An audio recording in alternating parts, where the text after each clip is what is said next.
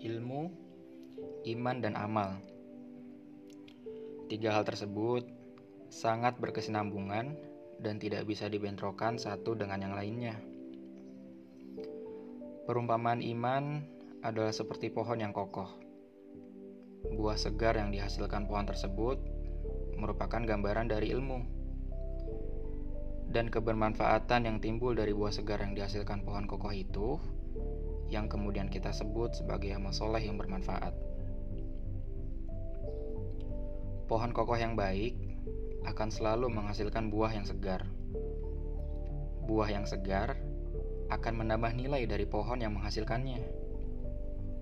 Dan untuk mendapatkan buah yang segar, pohon harus dijauhkan dari hama yang merusaknya. Sebagaimana orang yang imannya kokoh akan selalu terdorong untuk menuntut ilmu.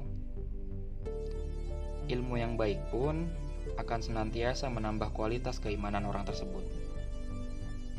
Dan untuk mendapatkan ilmu yang baik, kita harus menjauhi maksiat yang dapat merusak iman.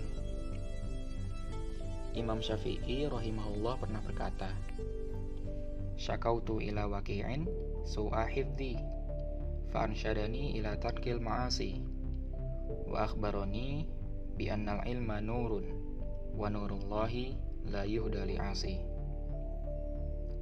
Aku pernah mengadu kepada Waki tentang jeleknya hafalanku. Lalu beliau menunjukiku untuk meninggalkan maksiat. Beliau memberitahukan padaku bahwa ilmu adalah cahaya, dan cahaya Allah tidaklah mungkin diberikan pada ahli maksiat. Setelah selesai dengan perkara di atas, barulah kita sampai di bab beramal soleh. Mengapa demikian? Karena bagaimana kita bisa beramal kalau tidak memiliki sesuatu yang ingin diamalkan? Bagaimana pohon bisa memberi kebermanfaatan kalau ia tidak berbuah? Dikatakan bahwa faqidu syai' la orang yang tidak memiliki, bagaimana ia bisa memberi? Dari sini dapat kita simpulkan bahwa iman yang kokoh akan menghasilkan ilmu yang baik. Kesinambungan antara iman dan ilmu inilah yang akan membuat kita menjadi istiqomah dalam beramal soleh. Dan sekarang, mari kita renungkan bersama. Jika kita masih belum bisa istiqomah dalam beramal soleh, berarti sudah dapat dipastikan ada yang salah di pohon dan buahnya. Sebagaimana dinyatakan dalam Al-Quran Surah Ibrahim ayat 24 sampai dengan 25. Alam taro kaifa daraballahu matalan kalimatan thayyibatan kasyajaratin thayyibatin asluha thabitu wa far'uha fis sama.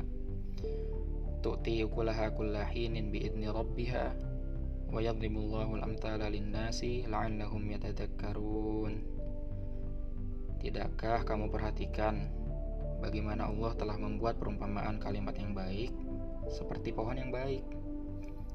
Akarnya teguh dan cabangnya menjulang ke langit pohon itu memberikan buahnya pada setiap musim dengan seizin Tuhannya. Demikianlah Allah membuat perumpamaan-perumpamaan itu untuk manusia supaya mereka selalu ingat